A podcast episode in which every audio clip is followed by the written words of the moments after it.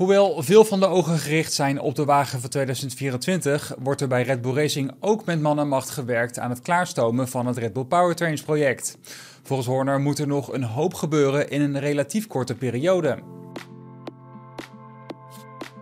Red Bull heeft een niet zo succesvol Renault-tijdperk achter de rug en beleefde met Honda juist wel een mooie tijd.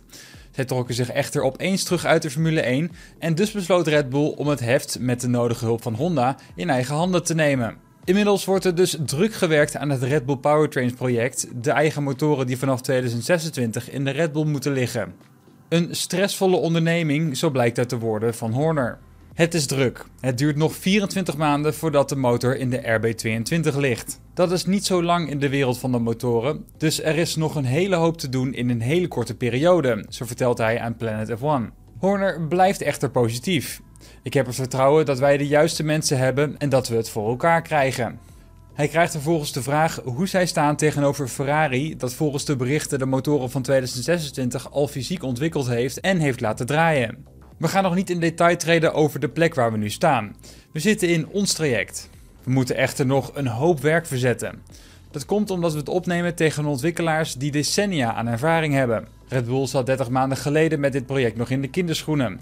Het is dus ongelooflijk wat we in 13 maanden bereikt hebben. Het Sepang International Circuit zou over een paar jaar wel eens terug kunnen keren op de Formule 1 kalender.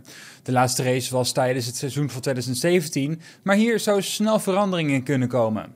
Dit weet Reuters vandaag te melden. Het is het volgende bericht in een periode waarin er veel geruchten zijn en er veel nieuws is omtrent nieuwe circuits in F1. Op basis van drie bronnen stelt Reuters dat er door Petronas, sponsor van Mercedes en naamgever van het circuit in Sepang, een poging wordt gedaan om de race weer op de kalender te krijgen. Dit was een doel dat de afgelopen jaren vanwege financiële problemen niet mogelijk was.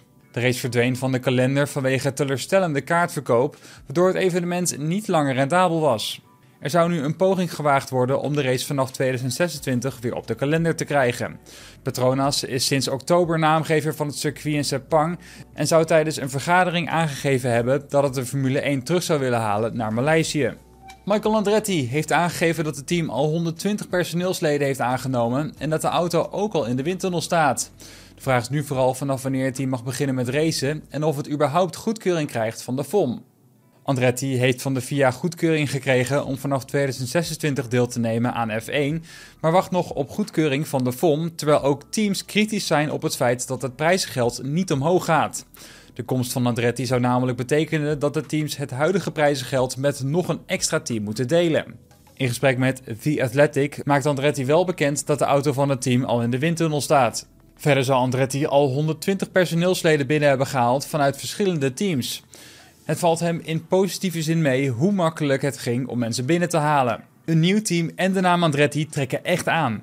We hebben mensen van Red Bull, Ferrari, Mercedes, McLaren. Zij zochten allemaal een nieuwe uitdaging. Het is die potentie om afdelingen vorm te geven die zeer aantrekkelijk is. Volgens Andretti vergt het veel geduld en tijd om een F1-team op te bouwen. Zeker als het desbetreffende team niet weet vanaf wanneer ze in de Formule 1 mogen beginnen. Het kost tijd om competitieve raceauto's te bouwen. Ik ben erg blij dat we al zoveel vooruitgang hebben geboekt met activiteiten met een lange doorlooptijd, zoals aerodynamisch ontwerp en simulatie. We onderschatten de taak niet. Ja, dit was hem alweer. Het GP Events nieuws op Spotify. Volg ons eventjes en dan zie ik jullie de volgende keer weer. Doeg!